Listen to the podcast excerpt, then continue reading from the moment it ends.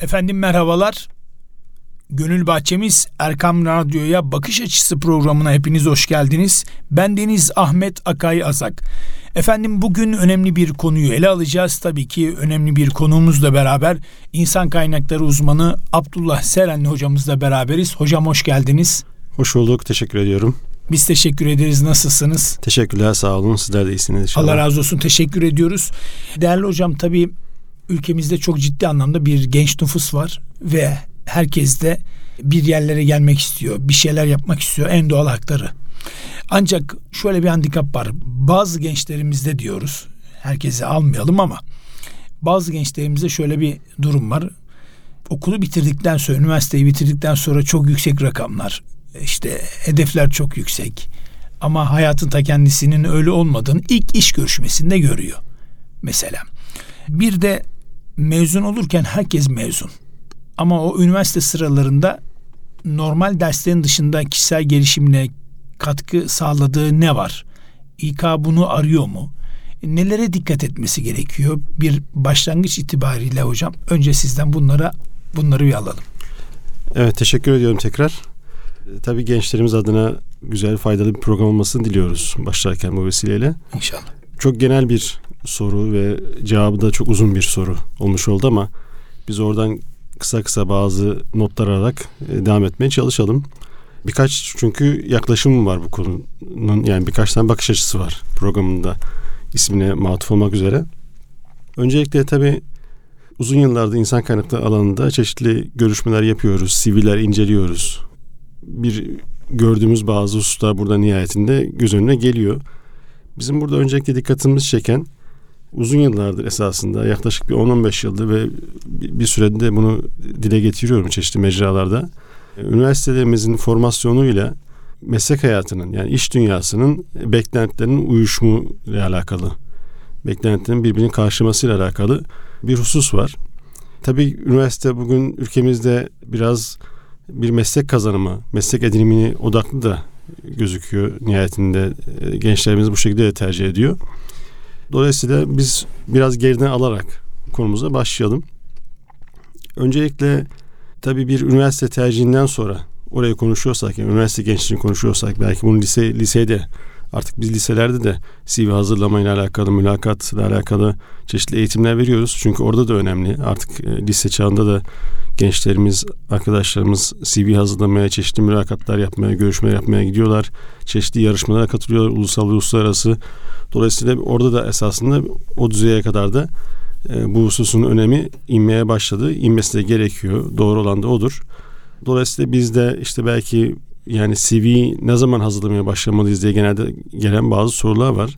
Bu soruya da bu şekilde cevap veriyoruz. Özellikle lise çağından itibaren gençlerimizin çeşitli katıldığı projeler, çeşitli katıldığı etkinlikler, muhakkak bunlara bir yere not almaları, o projelerden, etkinliklerden, yarışmalardan aldıkları hangi belge varsa, herhangi bir doküman varsa bu dokümanı muhafaza etmeleriyle alakalı bir tavsiyemiz oluyor. Tabi bunlar artık bugün birçoğu dijital ortamda ama dijital ortamı kastediyoruz. Yani matbu da olabilir çok fark etmez. O tamamen tercihlerine bağlı ama bir şekilde bunun e, muhafaza edilmesi lazım ve bunun CV'ye dökülmesi gerekiyor. Yani CV'ye dökülmesinden kastımız şu. Yani gençler mesela ilk e, açıkçası mülakatlarını veyahut da CV'lerle taleplerini nerede karşılaşıyorlar? Mesela lise çağındaki lise stajı dönemlerinde karşılaşıyorlar. Başvurdukları kurumlar kendilerinden bu anlamda CV talep ediyorlar. Bu CV'de işte yani okulu, kişisel bazı bilgilerin yanında bu tür kazanımları, çeşitli katıldığı programlar, çeşitli katıldığı projeler bunlarla alakalı bilgilere yer verebilirse bir adım öteye geçiriyor genç arkadaşımızı diğerlerine göre. Bu işte üniversite süreciyle beraber işte burs mülakatları, burs başvuruları, yurt mülakatları, yurt başvuruları da gençlerimizin karşılaştığı ilk üniversiteden önceki süreçlerin birisi bir, bir kademe daha burada gerçekleşiyor. Burada da yine aslında bunun önemini tekrar görebiliyoruz. Ama bizim özellikle hususen üzerinde durduğumuz şu. Üniversite döneminde genç arkadaşlarımızın özellikle artık ikinci sınıftan sonra biraz daha farkındalık oluşmaya başlıyor. Mesleğe yönelim dolayısıyla. İşte yani üç geliyor, dört geliyor artık mezun olmaya başlıyorum. Dolayısıyla bu mezuniyet sonrasında işte nereye yönlendirebilirim? Yani bizim bugün söylediğimiz ifadeyle kariyer tercihini e, nereye yönlendirebilirim? Bununla alakalı bir zihinsel yo- yoğunlaşmaya başlıyor. İşte burada biraz daha o farkındalıkla beraber gençler artık hem stajlarına hem de CV hazırlama ve çeşitli yerlere bu anlamda başvurulara başlamış oldular. Ama bizim tabii biraz önce siz de ifade ettiniz. Nihayetinde herhangi bir bölümden mezun arkadaşımız kendi branşıyla alakalı bir iş başvurusu gerçekleştiği zaman o başvuruya birçok CV geliyor, birçok aday geliyor. Dolayısıyla kendisini diğer adaylardan ayırt eden fark ne? Yani tabii burada belki bugün bazı işte bölümlerden, bazı mesleklerden örnekler vermek gerekecek ama bunu tabii örnek olarak sadece ifade ediyorum. E, tenzih ederek de bazı hususlarda söylüyorum yanlış anlaşma mal diye. Diyelim ki işletme mezunu bir arkadaşımız işte kendisi alanla alakalı bir işe başvuru yapıyor ama kendisiyle beraber birçok işletme mezunu arkadaşımız var. Dolayısıyla kendisinin diğerlerinden ayıran ne? Biz burada artık şuna bakıyoruz. Çünkü aynı üniversiteden gelmiş, aynı fakülteden mezun olmuş. Belki de yaklaşık bir mezuniyet derecesiyle yine mezun olmuş. Dolayısıyla ikisinden birisini bizim tercih etmemiz gerekiyor. Çünkü nihayetinde istihdamla alakalı belli bir sınırlılık var. İşte burada bizim için önemli olan hususlardan birisi işte bu üniversite hayatı boyunca özellikle gençlik kulüplerinde yani üniversitedeki kulüplerde e, yaptığı çalışmalar var mı? Bunun dışında staj dönemini yaptıysa bir staj, üniversite hayatında bir staj yaptıysa bu stajı nasıl geçirdi?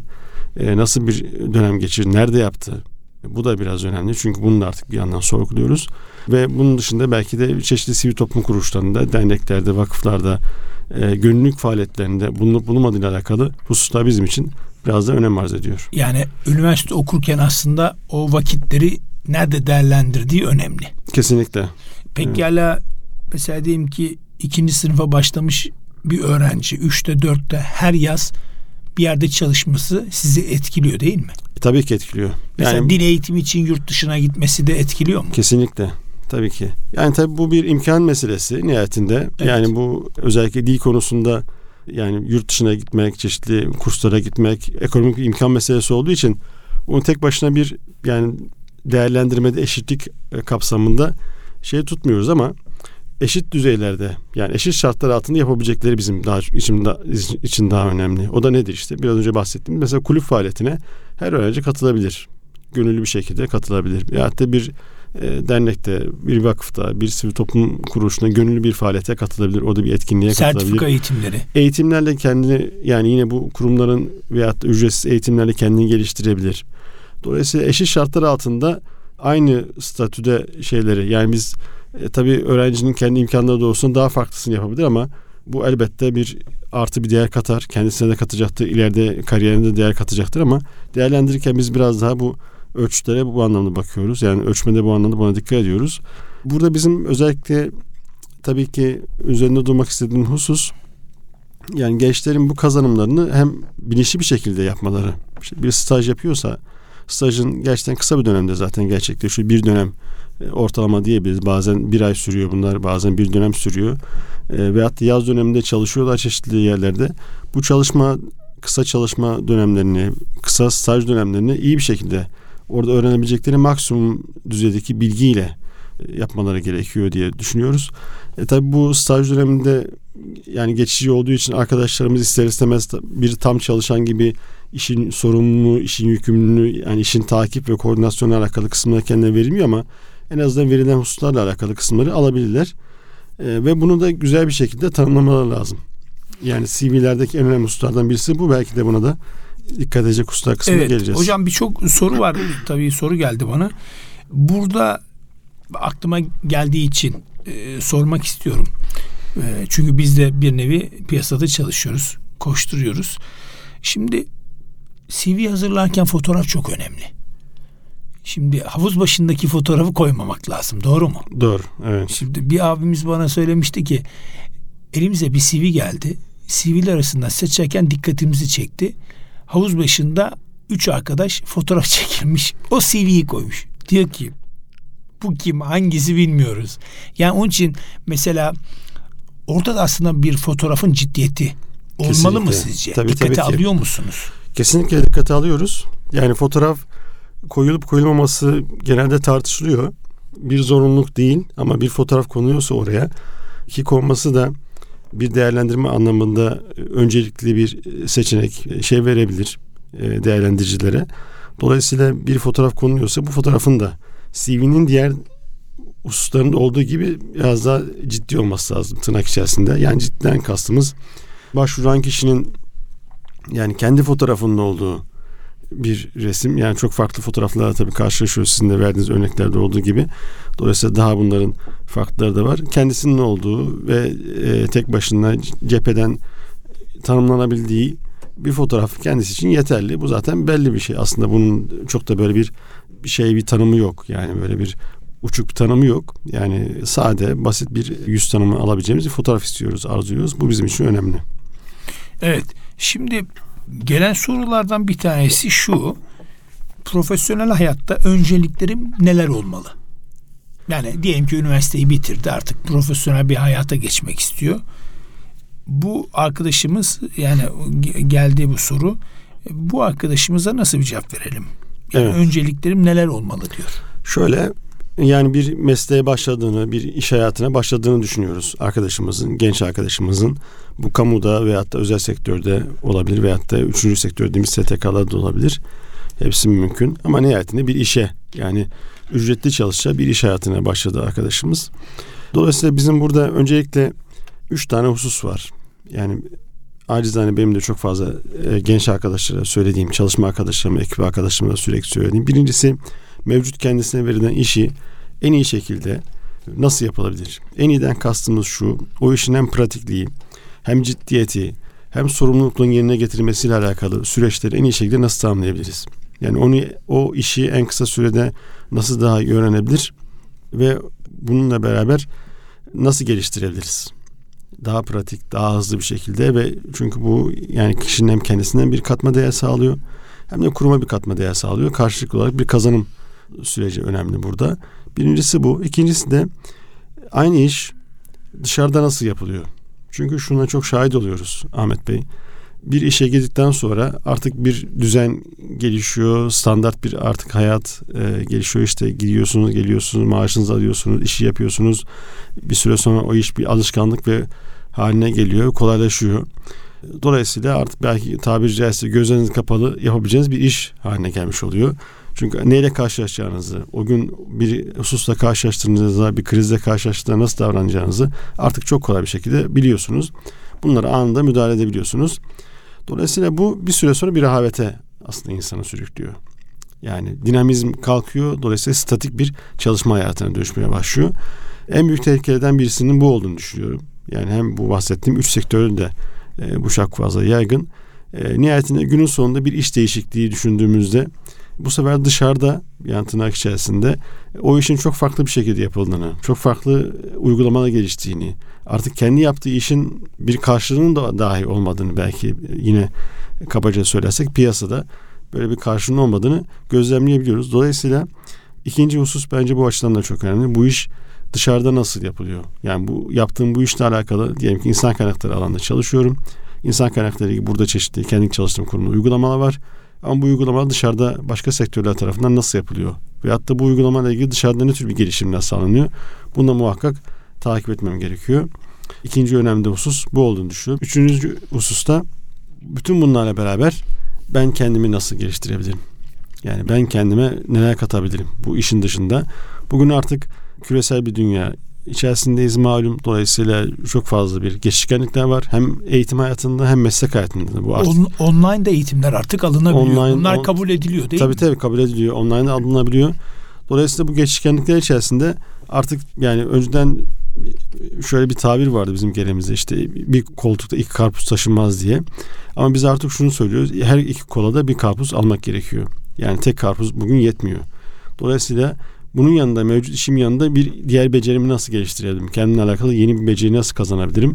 Bu da önemli bir hal almış oldu. Çünkü e, artık belki ilerleyen süreçte konuşabiliriz. İşte teknolojinin gelişmesi, işte bu e, çeşitli otomasyon programları vesaire bazı mesleklerle alakalı işi kolaylaştırırken işte yeni kazanımlarda nasıl bir insan kaynakları yönetim süreciyle alakalı hususlar olacak. Bunlar ilerleyen zamanlarda karşımıza gelecek. Şimdi birazdan araya gideceğiz ama araya gitmeden bu soruyu sormak istiyorum. Mesela bir İK'cı olarak gelen CV'lerde bu kişilerin sosyal medyalarını araştırıyor musunuz? Çünkü e, bildiğimiz kadarıyla hani bir şirket sıkıntılı bir adamı içeriye almak istemez. Çünkü sosyal medyada elinin bir ayarı yok. İstediğini sallayabiliyorsun. Oraya hakaret ediyorsun, buraya hakaret ediyorsun. Böyle bir adamı şirket alır mı? Sosyal medyaları araştırılıyor mu? E, gençler açısından da bu önemli olduğunu düşünüyorum. Çünkü geçmişte yaptıklarını e, silmeyip unutup ondan sonra bir şirkete başvuru yapıp o şirket ekibi şirketteki ekip bu kişinin veyahut da bu kişilerin sosyal medyalarını araştırıyorlar mı?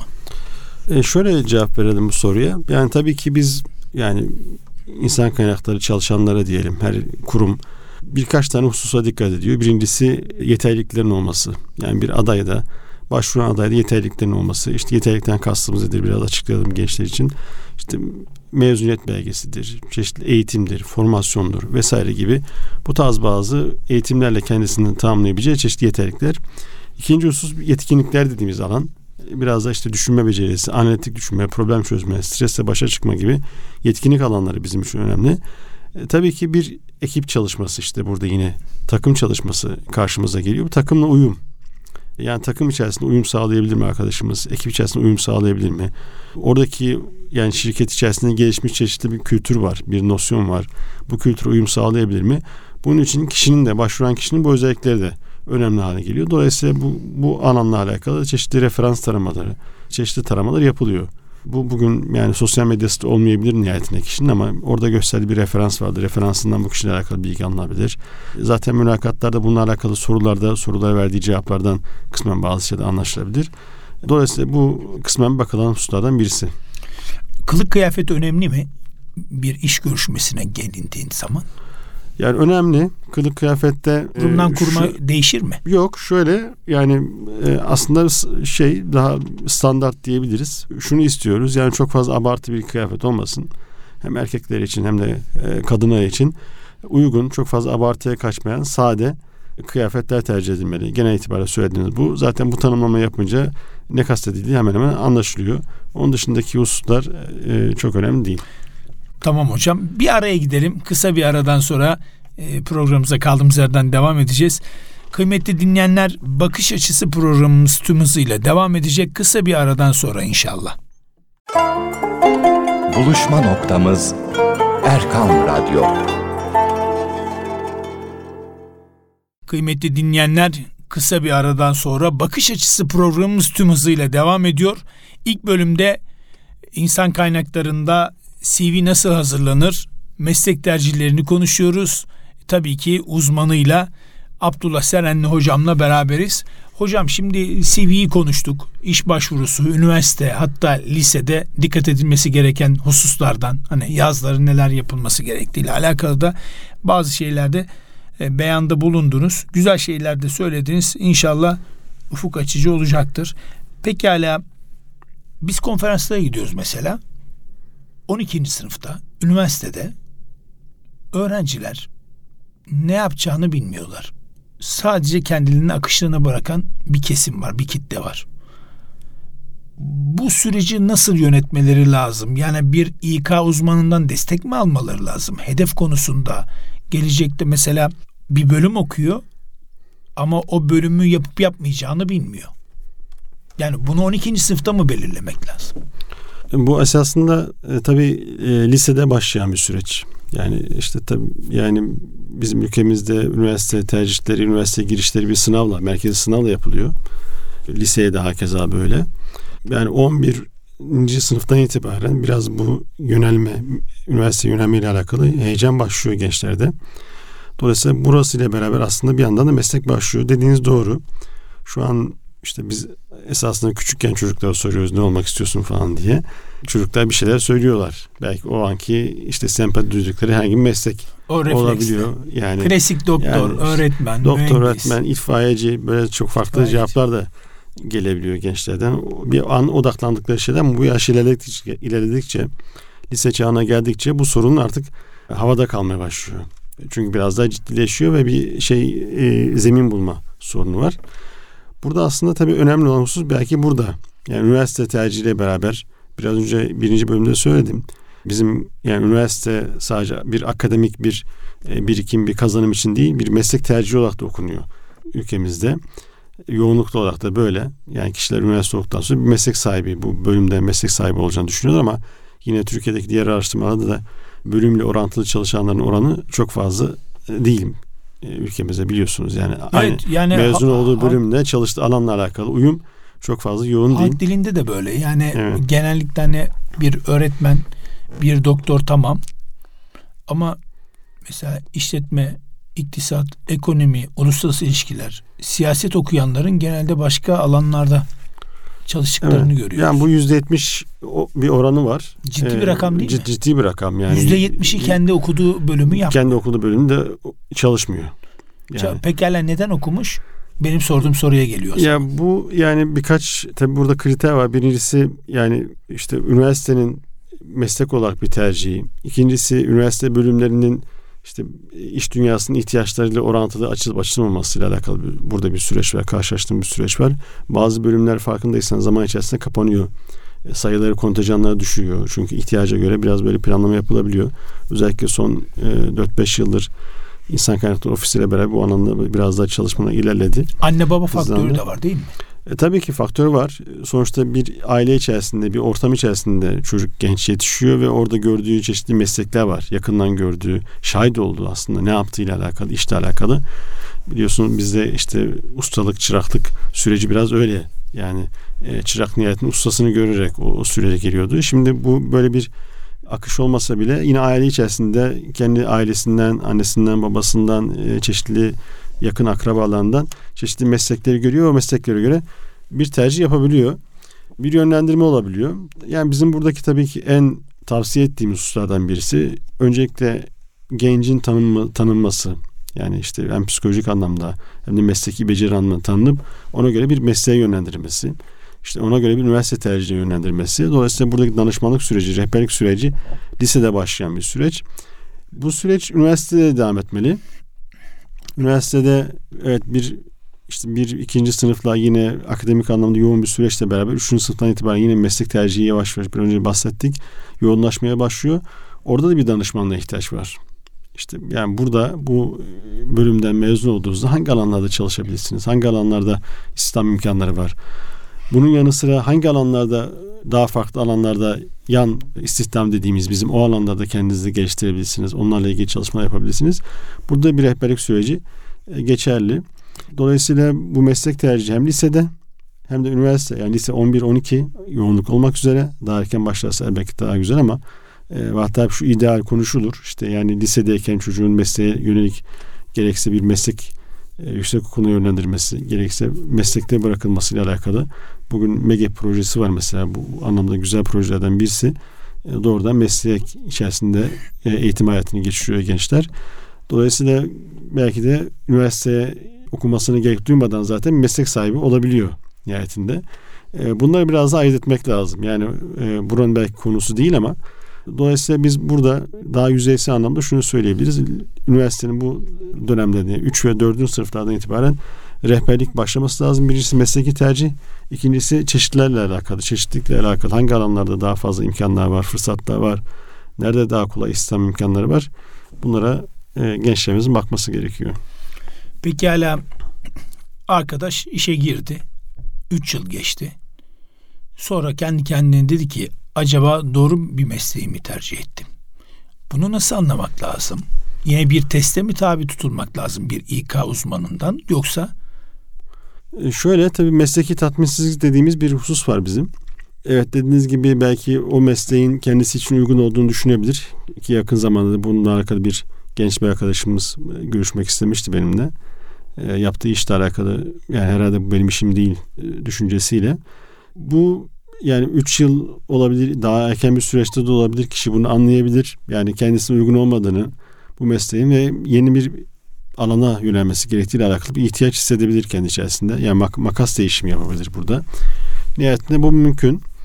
E, bunu nasıl anlar? Bu biraz yani artık o meslekten bir heyecan duymuyorsa, işi yapmayla alakalı yani meslekle alakalı söylüyorum. iş ortamıyla alakalı söylemiyorum tabii burada. İşi yapmayla alakalı artık ayakları kendisini geri geri itiyorsa, gitme arzusu, iş yapma arzusu, işi geliştirme arzusu artık körelmeye yani mental anlamda, zihinsel anlamda bir duraklamaya girdiyse kişinin artık o mesleği yapıp yapmayacağı alakalı sorgulaması gerekiyor.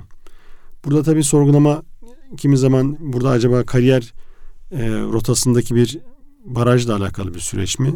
Yani orada bir kendisini geliştirmeyle alakalı yeni bir alan açılmamasıyla alakalı mı? Yoksa tamamen mesleğe alakalı bir şey mi?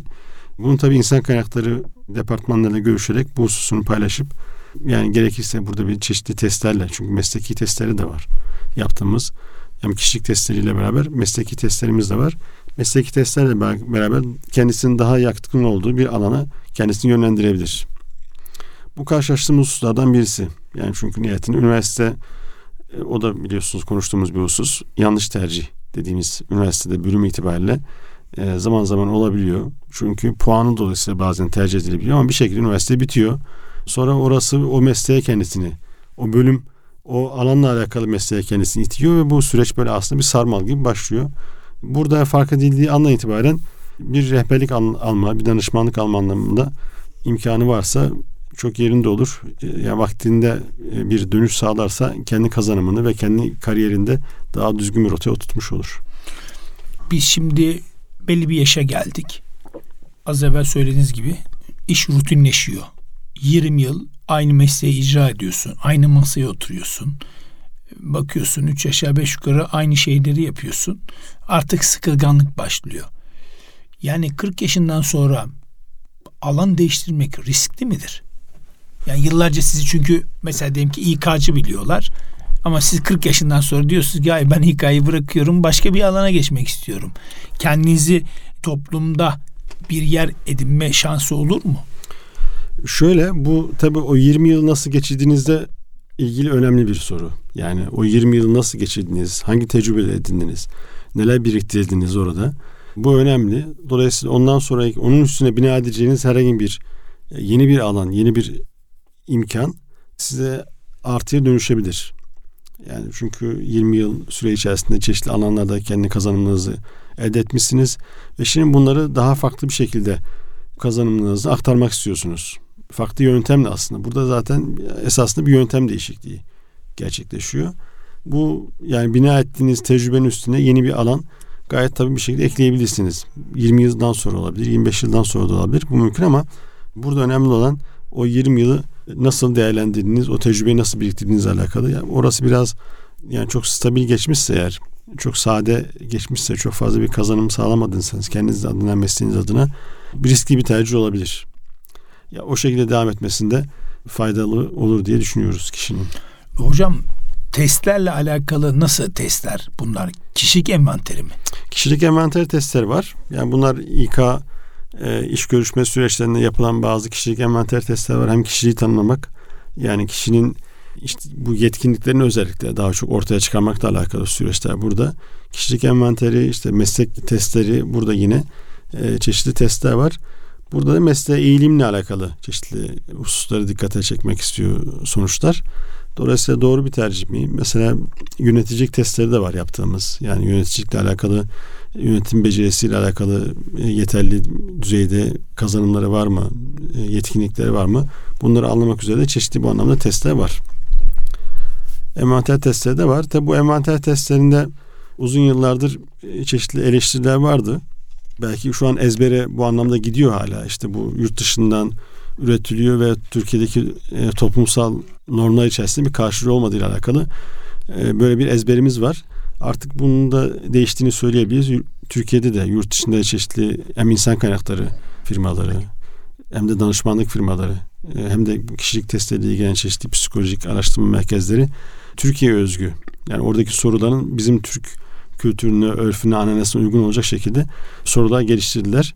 Dolayısıyla kişiyi daha doğru e, bir şekilde analiz etme imkanımız oluyor. Öncesinde bu biraz yurt dışı menşeli olduğu için bizim kültürümüzle, bizim örfümüz, annemiz uymayan sorularla genelde cevaplar çok böyle doğrusal bir şey vermiyordu.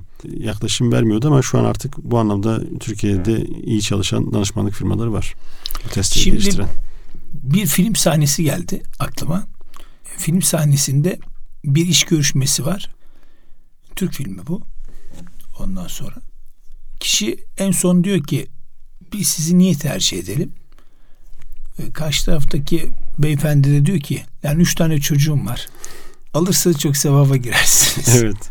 Şimdi tabii böyle bir cevabı siz beklemiyorsunuz ama siz buna benzer bir soru sorduğunuzda biz sizi neden bu şirkete alalım, bize ne katacaksınız diye sorduğunuzda karşı taraftan nasıl bir cevap bekliyorsunuz? Yani bu konuda acaba bu şirketi gelmeden evvel araştırmış mı? Yani bir yetkinlik kazandırabilir mi açısından nasıl cevap gelmesini bekliyorsunuz? Önemli bir soru aslında. Ya tabii önemli soru. Soru şöyle yanlış anlaşılıyor. Yani tabii biz nihayetinde aday şirketi bilmiyor, o kurumu tanımıyor. Yani bu soruya bu anlamda ilk sorulduğunda bu şekilde bir cevap verilmesini beklediğini düşünerek genelde boş oluyor o sorunun cevabı ama bu sorunun arka plandaki biraz önce sizin de söylediğiniz husus var. Yani birincisi yani başvurdunuz veyahut da bir iş görüşmesine geldiniz. Kurumu tanıyor musunuz? Yani ya da küçük bir araştırma yaptınız araştırma mı? yaptınız mı? Tabii ki kurum şirket bu şirket ne yapıyor? Bu şirketin misyonu ne, hedefi ne? Burada ben ne yapabilirim? Yani buraya ne, ne katabilirim? Ya da ben burada olmamın aslında karşılığı ne? İkincisi tabii pozisyonla alakalı. Yani orada o şirkette yeni bir pozisyona başvurdunuz. Bu pozisyonla ben yeterli bir şey geliştirebilir miyim? Biraz e, o sorunun arka planında bu var. Yani aday bu sorularla alakalı cevapları vermiş olsa e, kısmen yeterli bir cevap vermiş olacak şeyle alakalı. Beklediğin beklenen biraz o. Yani başvurduğunuz pozisyonla da alakalı ve başvurduğunuz kurumla alakalı yeterli bir bilgiye sahip misiniz? Burada kendinizi kendinize yer bulabiliyor musun aslında? Sorunun cevabı bu. Yani kendine bir yer bulabiliyor musun? Burada kendini düşünüyor musun? Kullandırabiliyor musun? E, temel düzeyde bu. Ama daha çok bu işte yani oraya ne katabilirsin, ne yapabilirsin burada? Yani işte biz uluslararası çalışıyoruz işte ya da e, şu bölgede çalışıyoruz. işte Asya bölgesinde çalışıyoruz. Sizi Afrika'ya da açarım. Yani Afrika'da da pazar geliştirmenize vesile olun gibi böyle bir e, makro cevaplar beklemiyoruz. Beklenmiyor şu süreçle alakalı. Biraz buraya yönelse e, genç arkadaşlarımız daha iyi olur. Yani önce her zaman için söylüyoruz. Görüşmeye gittiğiniz e, şirketin, kurumun muhakkak bir tarihçesine, misyonuna, hedefine, ne yaptığını, hangi alanda faaliyet gösterdiğinde, uluslararası çalışıyorsa hangi bölgelerde çalıştığını muhakkak göz atsınlar. İkincisi pozisyonla alakalı bir bilgi edinebiliyorlarsa içeriden veyahut da dışarıdan bir şekilde o pozisyonun yaptığı işle alakalı, ne beklediği alakalı benzerini muhakkak araştırsınlar o şekilde gitsinler diyoruz. Son olarak CV'lerde genelde hani yabancı dil konusunda böyle bir tereddüt var. Ama bizim millette tabii özgüven de çok yüksek olduğu için biraz da parantez içerisinde ya sormayabilirler arada kaynar gibi de hani ne kadar İngilizce biliyorsunuz diye sorunun cevabında kağıtta tabii CV'de hani işte okuma süper, konuşma süper, yazma süper gibi ifadeler oluyor ya da iyi evet. gibi. Siz bunları dikkate alıyor musunuz? Yani bu konuyla ilgili bir irdeleme var mı? Yani buraya öyle yazmışsınız. Gerçekten öyle misiniz diye soruyor musunuz? Veyahut da siz veya yanınızdaki arkadaş bir İngilizce mülakatta yapıyor mu? Buna şöyle, ne kadar dikkat ediliyor? Evet şöyle e, tabi burada çuvaldızı kendimize de batıralım. Yani şimdi ilanlarda klasik bazı ifadeler var. E, çok klasik. İngilizce de bunlardan birisi. İşte önceden MS Office programları vardı. Artık buna çok gerek duyulmuyor. Çünkü bu artık hazır bulunuşluk hali. Herkesin bu, bu süreçte bilmesi gereken bir husus. MS Office ilgili programlar. İngilizce kısmen devam ediyor. Ya İngilizce ihtiyacımız var mı esasında? Önce ilanda buna bir bakmak gerekiyor. Yani çoğu kurumda İngilizce ihtiyacı olması dahi orada bir İngilizce ifadesi var. Dolayısıyla bu da CV hazırlayan arkadaşlarımızı bu anlamda bir yanılgıya yöneltiyor. Muhakkak İngilizce ile alakalı veyahut da yabancı başka bir dille alakalı bir şeyler yazayım ifadesini. Yazılıyorsa biz tüm CV için söylüyoruz tabii. Biraz önce söyledik. Yani fotoğraf gibi, CV'deki fotoğraf gibi e, içerideki bilgilerin de ciddi ve doğru olması lazım. Her şekilde doğru olması lazım ve tutarlı olması lazım. İngilizce isteniyorsa muhakkak o İngilizce ile alakalı bir puanınız varsa puanınızı veyahut da o dört beceriyle alakalı işte konuşma, okuma, yazma ile alakalı dört beceriyi ne kadar bildiğinizle alakalı bunu orada belirtmeniz gerekiyor. Bu bilme nedir? Yani bilmenin çeşitli dil e, standartlarında karşılıkları var. Bunlar olabilir. Kendinizi ifade edebilirsiniz ama orada en azından bunlarla karşılaşabilirsiniz tabii. Yani İngilizce ihtiyacı olan bir kurumda muhakkak bir İngilizce mülakat gerçekleşir. Nihayetinde bu bununla da karşılaşabilirsiniz. Dolayısıyla yani bu, bu soruyu biz e, İngilizce yazdıysa, yani İngilizce istemediğimiz halde İngilizce yazdıysa kişiye gene ister istemez soruyoruz. Ne, ne düzeyde biliyorsunuz diye. İşte buradaki mesela cevaplar da bir değerlendirme açısından kritik bir husus olmaya başlıyor. Yani cevaba nasıl yaklaştığı kişinin nasıl Beden cevap... dilinden anlıyor musunuz? Yani beden dili, söylemdeki, sesindeki titreşimden vesaire bunların hepsini anlayabiliyoruz. E, bildiğiyle alakalı. Dolayısıyla yani zaten ihtiyaç yoksa orada bir İngilizce alakalı bir şey yoksa sizin de bu konuda kendinize yeterli olduğunuzu düşünmüyorsanız bunu çok yazmanıza gerek yok diye e, söylüyoruz. Dolayısıyla biz şöyle de toparlayabiliriz. Yani CV'nin bütününde bir doğruluk, bir tutarlılık zaten arıyoruz. Bir ciddiyet arıyoruz. Oradaki her soru sorulabilir. Yazdığınız her şey sorulabilir. Yani orada yazmadığınız şeyleri de elbette soruyla karşılaşabilirsiniz ama yazdığınız şeyler muhakkak sorulabilir. Dolayısıyla o sorunun bir cevabının sizde olması lazım. O cevabın da tutarlı olması lazım. Ve veyahut da ne kadar olduğuyla alakalı şeyi vermeniz lazım. Bazı işte programlar yazılıyor zaman zaman dilin dışında ya da yapılan işle alakalı bazı tanımlama yapılıyor. Onun yapılıp yapılmadığıyla alakalı işte ne kadar içinde bulundunuz gerekse onu yazmanız lazım. Yani kısmen içinde bulundunuz, tamamen içinde bulundunuz. Bunlar ifadeler de önemli. E, biz CV'de şunu diyoruz işte biraz önce de birinci bölümde söyledik. Orada aslında mesela staj yaptığınız dönemde o stajı nasıl ifade ettiğiniz önemli. Yani herkes staj yapıyor ama işte orada siz ne kazandınız onun da düzgün bir şekilde, doğru bir şekilde ifade edilmesi lazım. Bu da CV'lerde önemli hususlardan birisi diye düşünüyoruz. Evet, kıymetli dinleyenler, CV'mi ne zaman hazırlamaya başlamalıyım? İş hayatına ilk adımları ne zaman atabilirim? Profesyonel hayatta önceliklerim neler olmalı? Meslek tercihimi ne zaman yapmalıyım? Meslek seçimimin doğru olup olmadığını nasıl anlayabilirim gibi soruların sorulduğu bakış açısı programımızı burada tamamlıyoruz. Değerli konuğumuza huzurlarınızda teşekkür ediyoruz. İnsan kaynakları uzmanı Abdullah Serenli hocamla birlikte.